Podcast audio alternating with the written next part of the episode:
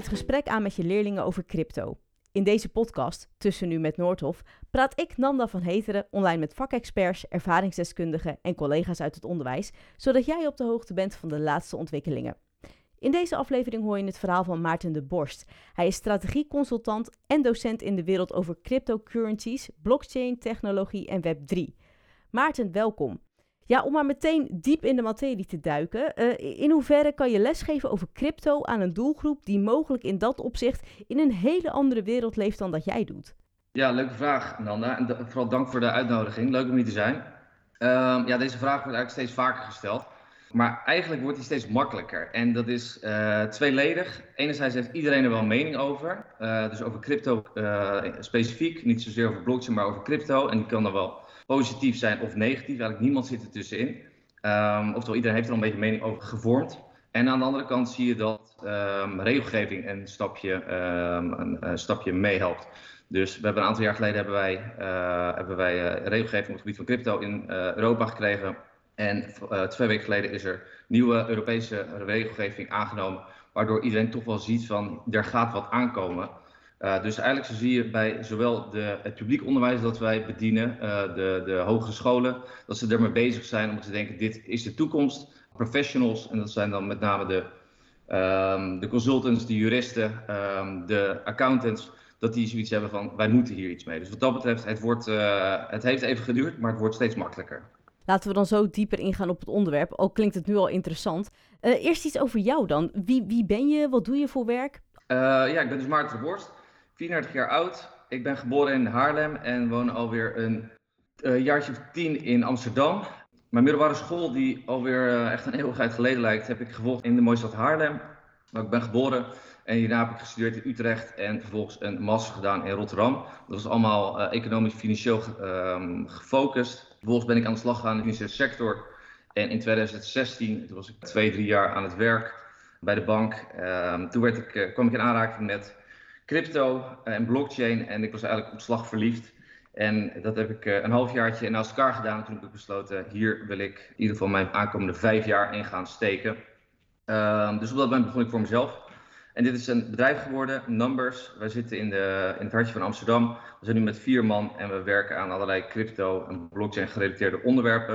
En dan hebben we eigenlijk drie pijlers. Een, enerzijds is dat advies, oftewel de consulting tak. Uh, waar we met name financiële instellingen, maar ook partijen die met cybercrime te maken hebben, helpen uh, op dit onderwerp. Onderwijs vinden wij heel belangrijk uh, en publicaties. Dus wij hebben twee boeken geschreven over dit onderwerp. Er komt nu een derde boek aan. En dat tweede boek, dat is denk ik de reden dat ik hier onder, onder, andere mag zijn, dat is uitgegeven bij North of Business, bouwen aan digitaal vertrouwen. Maar jij zei in 2016 voor de komende vijf jaar. Het is nu 2023, dus dat is meer dan vijf jaar. En gezien de groei van je bedrijf lijkt het me niet dat je nu zegt van nou, morgen het was genoeg, toch? Wat maakt het dat het zo ja. interessant is? Nee, klopt. Nee, dit was eigenlijk inderdaad een vijfjarenplan van hey, we gaan het eens uitproberen. Um, en dat is uh, eigenlijk heel goed bevallen. Um, en dat, uh, het, uh, moet zeggen, het ging niet altijd even makkelijk. Um, sommige momenten ging het heel makkelijk. En dan zie je toch wel als de, de prijzen omhoog gaan, ook al vind ik het verschrikkelijk om het alleen maar over prijzen te hebben, maar op het moment dat de prijzen omhoog gaan, Um, en je ziet dat iedereen het over heeft, dan is het allemaal veel makkelijker om binnen te komen bij partijen. En, en uh, um, onder, onder, andere ook trouwens onderwijspartijen die denken, hé, hey, hier moet ik iets mee. En op het moment dat de boel weer in elkaar uh, stort, want zo gaat het een beetje met crypto, met, met hoge pieken en diepe dalen, dan moet je vervolgens weer twintig gesprekken hebben om mensen van, van te overtuigen, jongens, dit gaat echt wel een keer terugkomen. Um, ik ben in ieder geval nu, 2023 zijn we zover dat wij op het punt zijn dit gaat nooit meer weg, dit gaat alleen maar groter worden. En we hebben er vooral ontzettend veel uh, plezier in, in dit werk. Uh, en het leuke is aan dit onderwerp is, uh, ik vertelde net al, ik heb een achtergrond financiële sector. Crypto is natuurlijk, nou, raakt heel veel, gaan we straks ook even over hebben. Maar, maar het komt eigenlijk allemaal toch wel samen. Dus de eerste partijen die hier nou ja, baat bij hebben, maar ook last van hebben, is toch weer de financiële sector. En dat vind ik, vind ik gewoon razend interessant crypto en, en eigenlijk alles waar we het zo meteen over gaan hebben, bestond toch nog niet in die mate toen jij op de middelbare school zat. Wat hield je toen bezig dan? Wat hield mij toen bezig? Uh, dat waren computerspelletjes. Uh, moet er wel bij zeggen, op een gegeven moment kwam ook wel die. Uh, ik was altijd helemaal verslaafd aan RTL Z. Om de een of andere reden. Ik vond het razend interessant, al die cijfers. Ik ben gewoon cijferman, vandaar ook dat, dat mijn bedrijf Numbers is gaan heten. En ik ben eigenlijk gewoon altijd allerlei financiële, economische dingen gaan volgen, zelf proberen na te rekenen. En dat, nou ja, veel sport, middelbare school, omgeving Haarlem, veel groen. Dus veel lekker naar het strand. dat waren eigenlijk de dingen waar ik op dat moment mee bezig hield. Leuk, ja. En, en waarom is jouw werk nu vandaag de dag in het docentschap zo belangrijk? Ja, goede vraag. Waarom is mijn werk in het docentschap zo belangrijk? Ik heb een, uh, toch wel een zwak voor het onderwijs gekregen, moet ik zeggen. De afgelopen uh, nou ja, vijf, zes jaar had ik van tevoren eigenlijk nooit, nooit gedacht. Um, ik dacht, dit, uh, ik trek de deur achter me dicht, ik kom, ik kom nooit meer terug. dat is niet helemaal gelukt en daar ben ik achteraf heel blij, blij om. Um, wat, ik, wat ik belangrijk vind aan onderwijs, in nee, laten we beginnen met het, het probleem dat ik zie bij onderwijs, bij, bij leerlingen. Um, en heb ik eigenlijk van, van alle leeftijden. De wereld wordt steeds digitaler, wordt steeds allesomvattender, wordt steeds complexer. En je ziet technologieën elkaar steeds sneller opvolgen, maar mensen kunnen gewoon niet zo hard. Dus op het moment uh, als in zo hard bijleren. Um, en dat betekent dat je uh, op andere manieren moet leren. Dat we het tegenwoordig hebben over leven lang leren. Uh, dat je wordt gestimuleerd om, om vooral naast je werk bezig te zijn met jezelf. Um, en daar wil ik graag mijn steentje aan bijdragen, want wij, um, wij, zien ook bij de hogescholen waar wij, waar wij over de vloer komen, maar ik zie het ook bij, de, bij de, de, professionele opleiders, dat het toch heel vaak is van ik moet even mijn puntjes halen en dan afvinken. En die, uh, en die mentaliteit begint een beetje te veranderen, omdat mensen zoiets hebben van wij, wij, hebben deze kennis ook daadwerkelijk nodig, want je hebt tegenwoordig kennis nodig op onderwerp A, B, C en D. En je komt niet meer weg met een uh, ik noem maar wat, een, een registeraccount, het papiertje dat je op je dertigste hebt gehaald. Uh, je hebt al je, je puntjes gehaald en, um, uh, en vervolgens vink je eronder en je bent de rest van je leven ben je klaar. zo werkt dat niet meer. En daarom vind ik het ontzettend belangrijk om, om daarin te helpen. En daarin proberen wij dus ook, nou, in ieder geval met, met nieuwe manieren van lesgeven, compacte manieren van lesgeven, het behapbaar te maken. Maar ook ja, andere onderwijsvormen uit te proberen met, met lab settings, zelf dingen uitproberen om, uh, om er zelf achter te komen van hey, wat vind ik leuk, hoe werkt het ongeveer? Dat je niet alleen maar uit die, uh, even tussen aanhalingstekens, niet uit die saaie schoolboeken bezig bent. Nou, terugkomend op het onderwerp, dan zouden mijn leerlingen dit als een, als een precies een vraag zien voor, de, voor een saai schoolboek. Maar vind het toch belangrijk om even te stellen, wat is dan precies crypto? Wat is dan precies blockchain? En hoe hebben deze dan met elkaar te maken?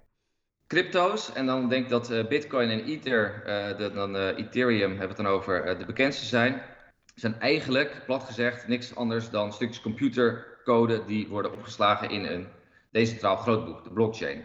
Klinkt heel erg cryptisch, dus even concreet. Uh, crypto is een uh, digitaal peer-to-peer systeem om waarde aan elkaar over te dragen. Peer-to-peer, -peer, um, even terugdenkend aan de, de eind jaren 90, begin 2000, Napster en dergelijke, file sharing. Uh, je draagt van, waarom was dat zo immens populair?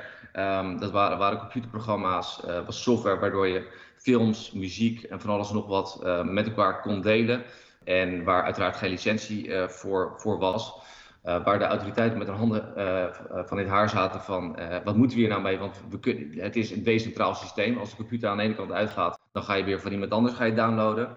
Nou, dat systeem in het achterhoofd houdende, gelijkbaar met, met cryptocurrencies. het is digitaal waarde overdragen zonder tussenkomst van een centrale partij. En waar komt crypto dan vandaan?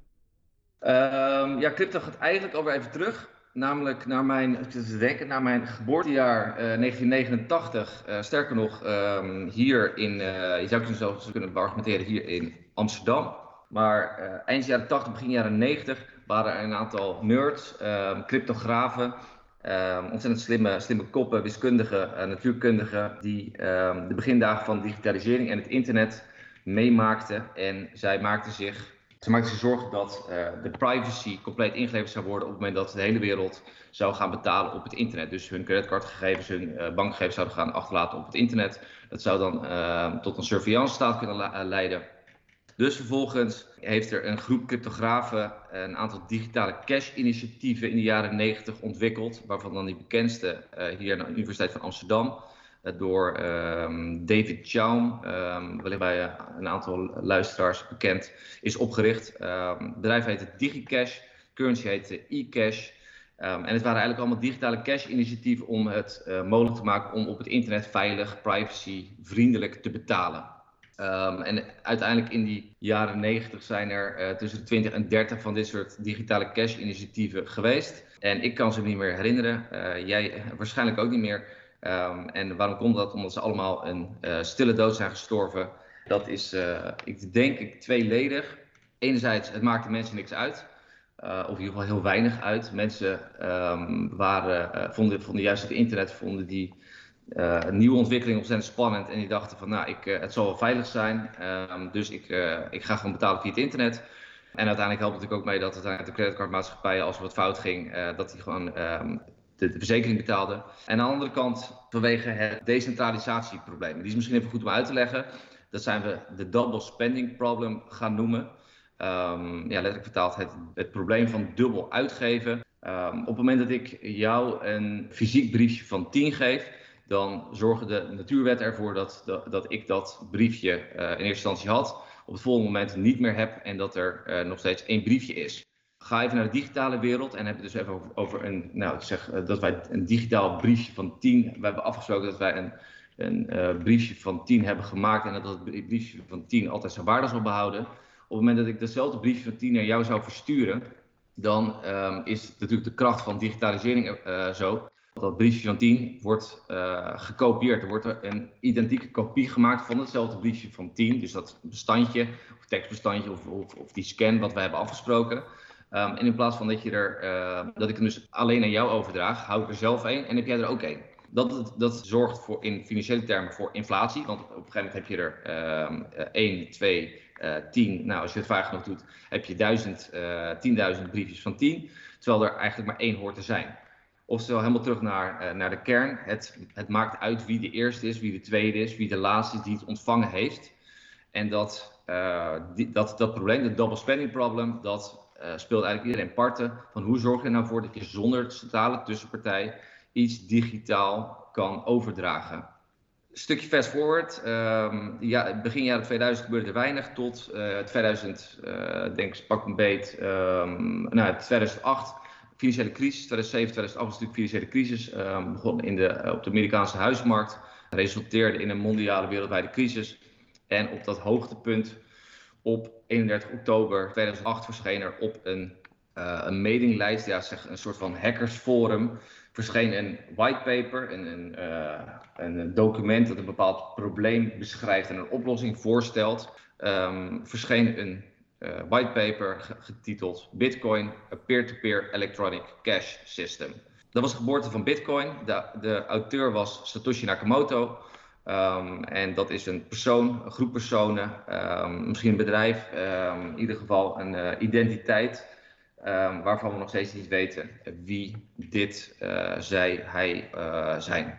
Uh, dat is een beetje de, de, in de notendop de, het ontstaan van crypto geworden.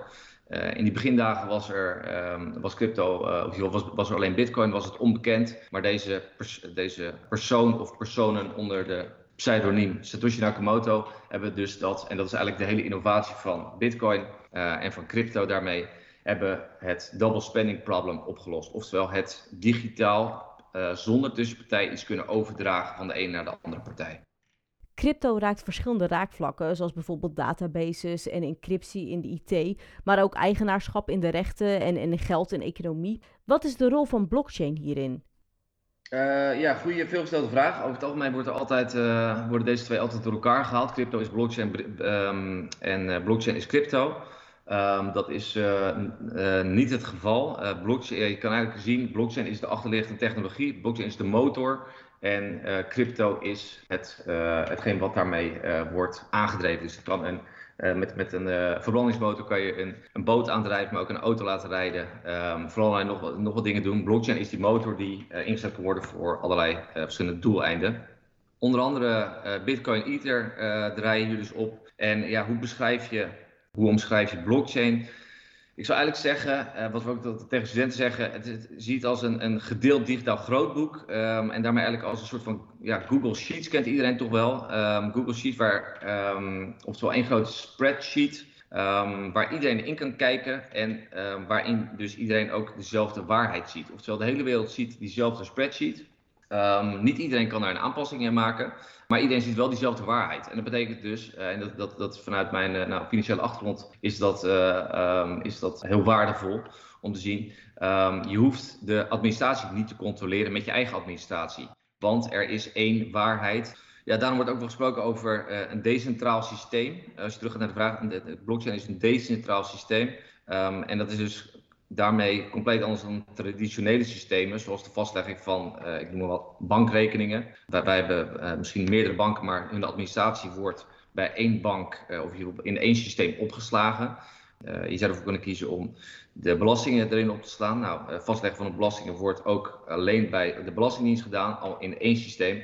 En dat betekent dus ook dat in dit, deze twee gevallen die ik net noem, dat er één eigenaar is, dus ook één juridische eigenaar is. Dus je teruggaat naar, naar jouw vraag van hoe is het bijvoorbeeld ook in de rechten anders. Um, waar in de traditionele wereld er één eigenaar is, uh, is in de blockchain-wereld is eigenlijk iedereen eigenaar en daarmee ook dus weer niemand.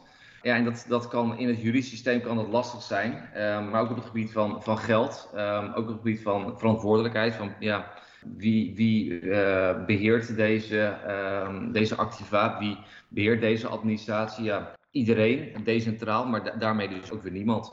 Blockchain gaat dus verder dan digitale muntjes. Maar, maar hoe ver dan precies? Ja, hoe ver precies? Uh, dat, dat weet ik niet. Dat gaan we zien. Hopelijk in mijn aankomende vijf jaar. Maar ik zou zeggen, ja, blockchain is een zogenaamde systeemtechnologie. Oftewel, het is allesomvattend. En daarmee kan ik het vergelijken als het internet of uh, het, uh, als software. Er is ook niet één, als je software zou moeten omschrijven, van ja, waar wordt software voor gebruikt? Uh, een, een, slimme lamp te laten uit en aangaan, maar wordt ook gebruikt om in, in ijskasten, wordt ook gebruikt op telefoons, in computers, et cetera. ja, dat kan eigenlijk alle kanten op. Um, oftewel, ja, in feite kan, kan het alles, in theorie althans, alles raken. Maar toch het meest loos gebruik voor blockchain technologie, buiten de digitale muntjes, is uh, waarbij waarde wordt vastgelegd of overgedragen binnen een omgeving waar mensen of bedrijven elkaar niet per se vertrouwen. En dat is eigenlijk uh, op heel veel plekken. Um, op het moment dat je zaken doet met, uh, met, met een partij, met iemand, dan is er niet een, per se een, wederzijds vertrouwen. Dus dan zou je altijd, nou hebben we in, in, in ons geval hebben wij bijvoorbeeld, om die reden hebben wij uh, banken tussen onze transacties zitten, omdat wij, um, omdat jij en ik uh, elkaar niet kennen, uh, omdat wij mensen op straat niet per se kennen. Dus dan denk ik, nou, ik wil niet per se direct met die persoon of met die winkelier wil ik een transactie doen. Dus dat doen we dan via een bank. En een bank garandeert dat als ik een cassantje koop van 2 euro, dat dat geld ook direct van mijn rekening afgaat en bij hem erbij komt. En waar zie je het nog meer terugkomen? blockchain technologie Denk bijvoorbeeld aan transport uh, en logistiek. Dus de, de vastlegging van containers. Waar is op dit moment mijn container? En als ik dat overdraag aan de volgende partij, um, dan, kan die dat, dan kan die partij dat direct zien. Ik noem net, net al even, de financiële sector wordt het, wordt het, uh, wordt het um, ingezet. Geld sturen naar de andere kant van de wereld in een fractie van, van seconden. In plaats van dat het, dat het minuten, um, uren, dagen kan duren als het naar de andere kant van de wereld gaat. Maar bijvoorbeeld ook digitale identiteiten, oftewel uh, blockchain. Het hele idee is natuurlijk, je wordt zelf weer eigenaar van, uh, van iets. Uh, net zoals dat je, dat je bij crypto zelf eigenaar bent van je muntje en dus niet een, een claim hebt op de bank. als de bank eruit ligt ehm, vanwege een storing, dan kom je niet meer bij je geld. Op het moment dat. er kan heel wat aan de hand zijn in de wereld, maar je kan in ieder geval altijd, zolang internet is, bij jou, jouw crypto, want het is net een briefje van 10, hetzelfde voorbeeld als net, een briefje van 10 dat jij in jouw uh, zak hebt zitten. Op diezelfde manier kan je het ook toepassen op je digitale identiteit. Uh, dus je kan zelf weer eigenaar worden voor je identiteit. En daarmee ben je dus ook niet afhankelijk van paspoorten, uh, uitgevende instanties, et cetera. Die moeten verifiëren wie jij bent. Dat kan je dan zelf doen en die kan je dan ook zelf kan je dit, ehm, kan je verifiëren. Nu hebben we het net al kort gehad over nou ja, hè, valuta digitaal die het niet hebben gehaald. Wat kunnen we daarvan leren? Bijvoorbeeld van het failliete FTX? Uh, ja, die zou ik niet op één hoop willen um, gooien. Uh, de, de valuta die in, uh, die in de jaren 90 niet hebben gehaald, dat, wa, dat, dat is een, een nou het, wat ik net zei, het dobbelspendingprobleem. En ik denk ook de, de onwetendheid van mensen hoe digitalisering werkt. Mm -hmm. FTX, goed dat je erover begint. misschien ook voor de luisteraars, wat gebeurde hier ook alweer? FTX was een cryptobeurs op dat moment uh, tweede van de wereld. Uh, ontzettend groot, met um, een paar miljoen klanten. De ene, ja, dus de ene grootste van uh, na um, Binance. En die ging in november 2020 plotseling failliet. Er bleken miljarden weg te zijn en ik geloof een gat van 8 miljard. En de oprichters die uh, leefden als koning in Frankrijk van het goede van hun klanten. Die gebruikten eigenlijk de, de klantengoeden als, als hun eigen rekening courant, om het zo maar te zeggen. Um, en die, die leefden er dus lekker op los. Ja, wat kun je hiervan leren? Ik moet eigenlijk zeggen, ik zie FTX en dat is niet omdat ik pro-crypto ben. want wat verder zie ik uiteraard ook genoeg uh, problemen die, die, die crypto gerelateerd zijn. Maar ik, zie niet, ik zie FTX niet zozeer als een crypto probleem, maar als een probleem in de digitale wereld waar we vaker tegenaan zijn gelopen, maar ook nog tegenaan zullen blijven lopen.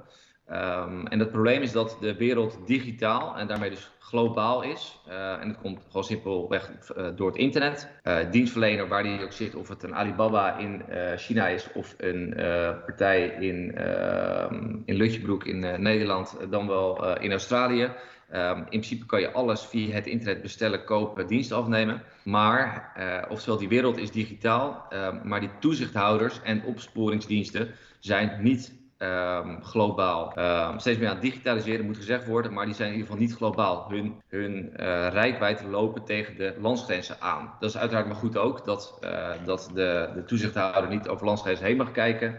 En dat wij verder geen, uh, de, de, de, in de Verenigde Staten, dat, dat, dat wij daar verder niks te zoeken hebben, dat, dat is heel goed en andersom ook. Maar dat zorgt er natuurlijk wel voor dat je op een bepaald spanningsveld komt van ja, wat, wat kan je hier nu mee, wat moet je hier nu mee? Op het moment dat partijen dus uit het buitenland hier diensten aanbieden waarvan je het eigenlijk uh, niet weet wat ze precies aan het doen zijn. Dat is natuurlijk het hele, hele uh, probleem geweest. Terug naar het geval van, van de FTX, het, specifieke geval van FTX. Ehm, in het geval van FTX was er een vergunning op de Bahama's. Um, maar leefde dus overal ter wereld diensten. En buiten het feit dat ze natuurlijk op de Bahama's zaten, was enerzijds vanwege het lekkere weer. Maar ook uh, vooral vanwege de, de, de gunstige toezichthouder. Um, waar uh, waarschijnlijk goed mee te praten was. En um, die, die een net wat andere maatstaven qua regulering aanhoudt dan in Nederland. En de Europese Unie en een groot deel van van de rest van de wereld. Ja, wat vervolgens gebeurt er? Consument, uh, de, de, FTX gaat failliet. Uh, consumenten die uh, verliezen massaal geld, um, miljarden. Um, er, lopen nu, er wordt, wordt verwacht dat, dat dit jaren kan gaan duren, die afwikkeling van, van FTX. Ja, en dan, dan zit je dus eigenlijk als consument in Nederland, en dat, dat vind ik wel oprecht problematisch, zit je als consument in Nederland.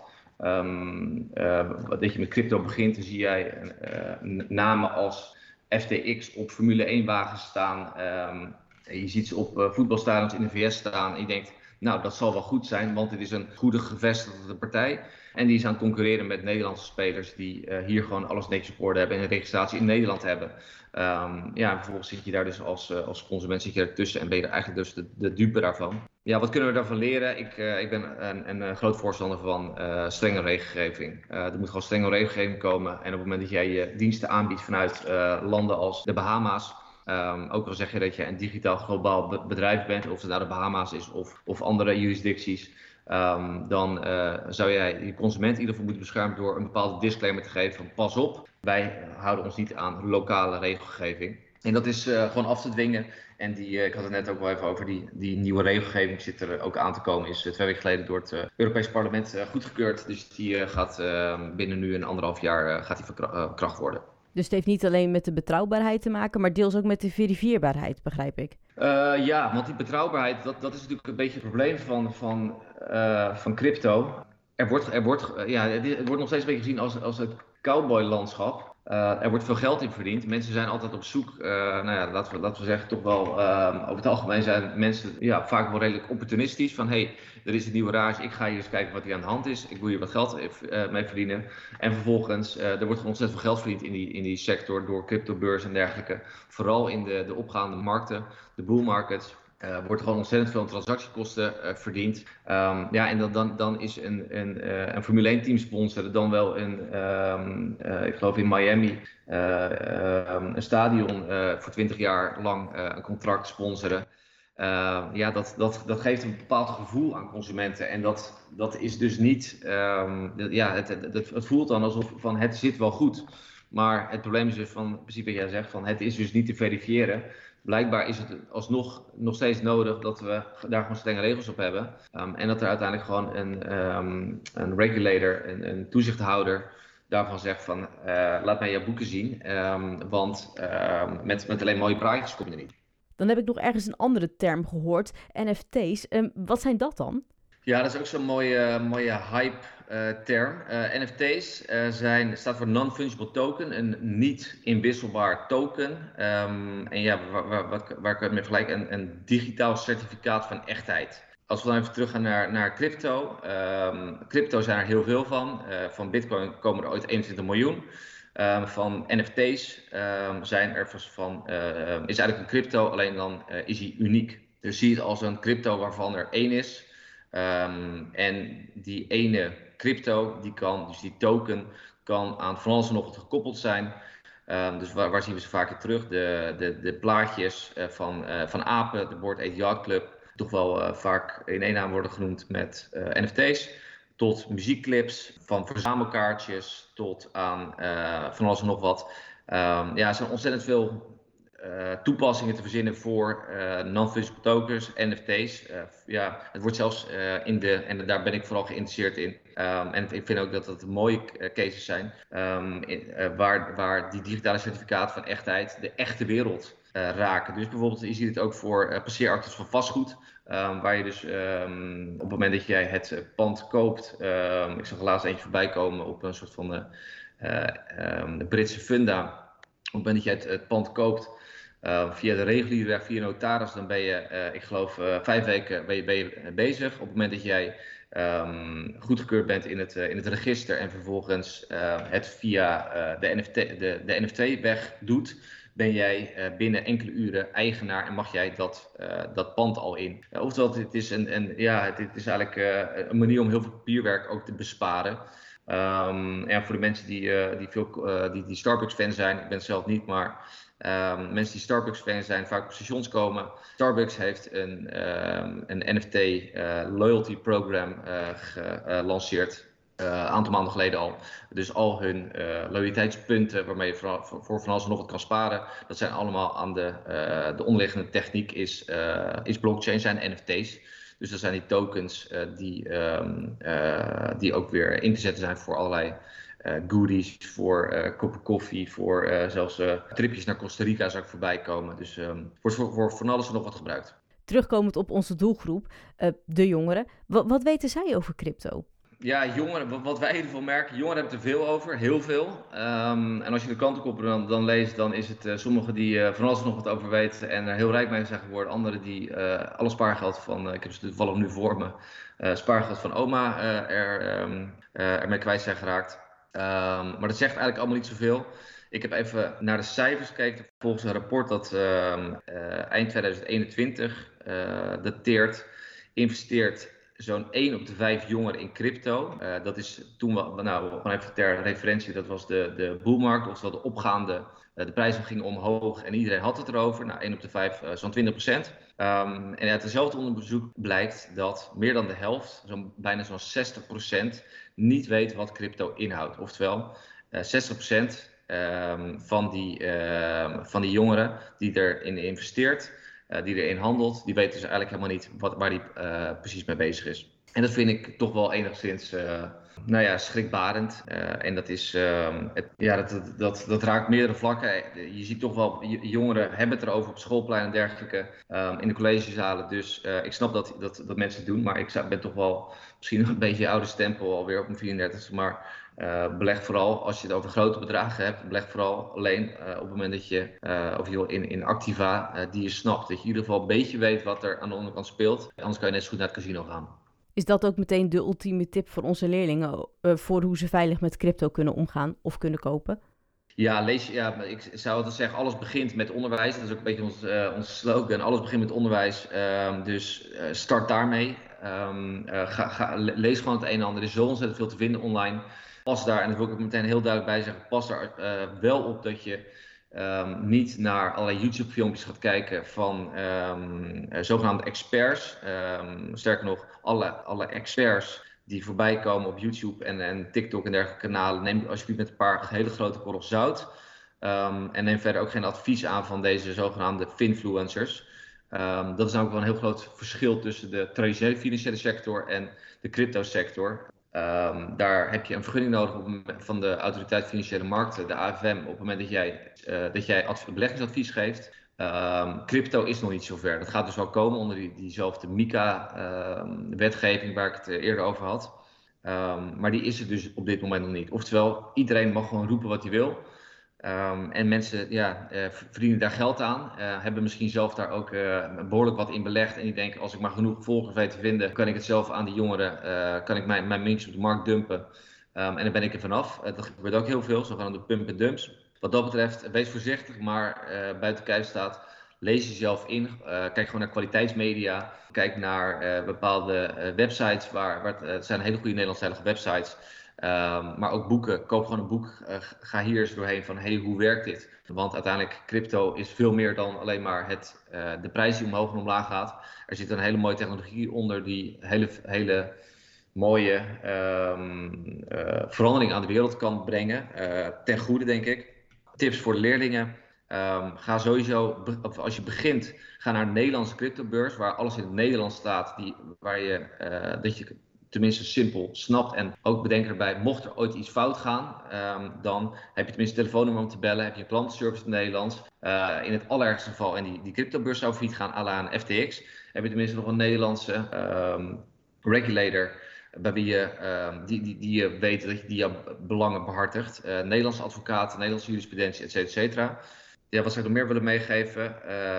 beleg een paar tientjes uh, als je begint die je, die je kan missen vooral alleen geld dat je kan missen en vooral nooit met de creditcard.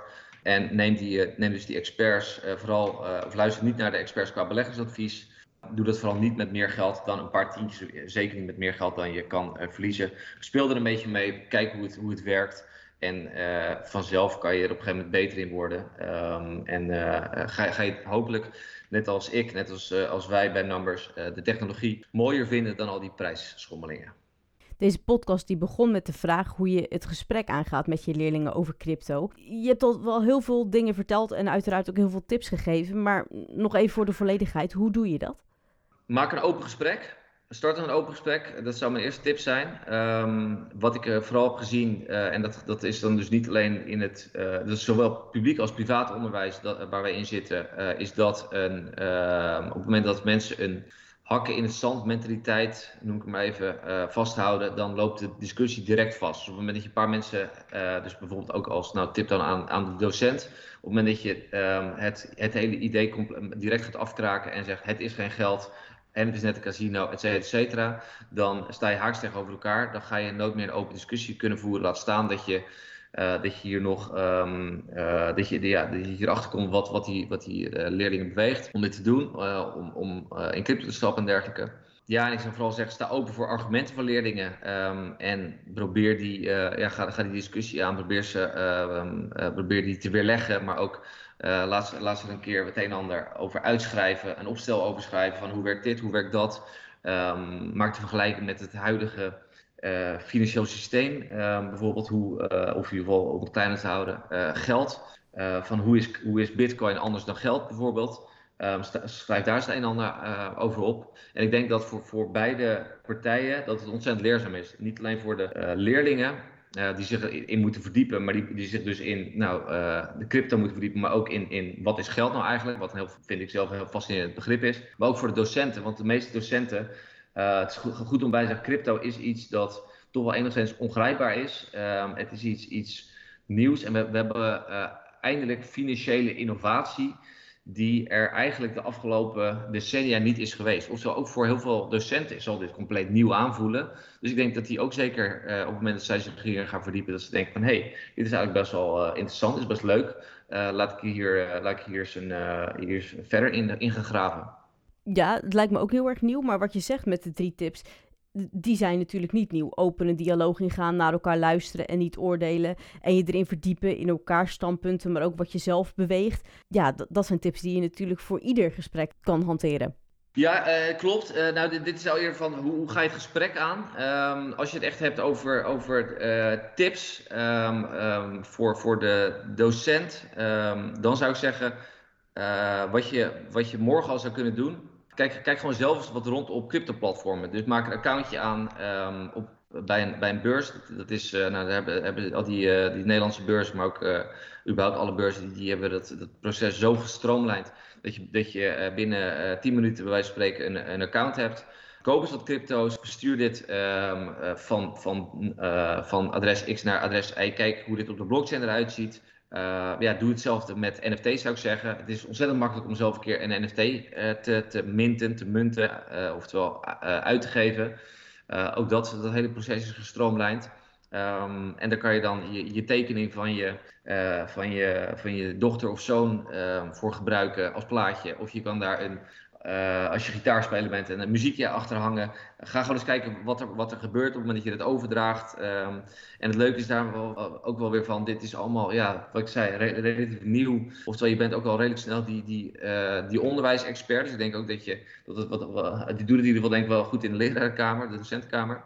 Ja, ik denk, ik denk dat, dat is het leuke aan crypto. Alles is open source, oftewel alle code staat online. Alles is openlijk te vinden. Uh, oftewel, ga zelf gewoon eens experimenteren. Um, en uh, wat dat betreft um, uh, is, is denk ik de dialoog in de klas heel belangrijk. Maar ook gewoon zelf als, als docent achterkomen, hoe werkt deze materie? Duidelijk, ja. Ik ga er meteen mee aan de slag. Dankjewel voor dit interessante gesprek. Graag gedaan. Jij, jij ook bedankt. En bedankt ook natuurlijk voor het luisteren. Vind je deze podcast nou leuk? Rate hem dan.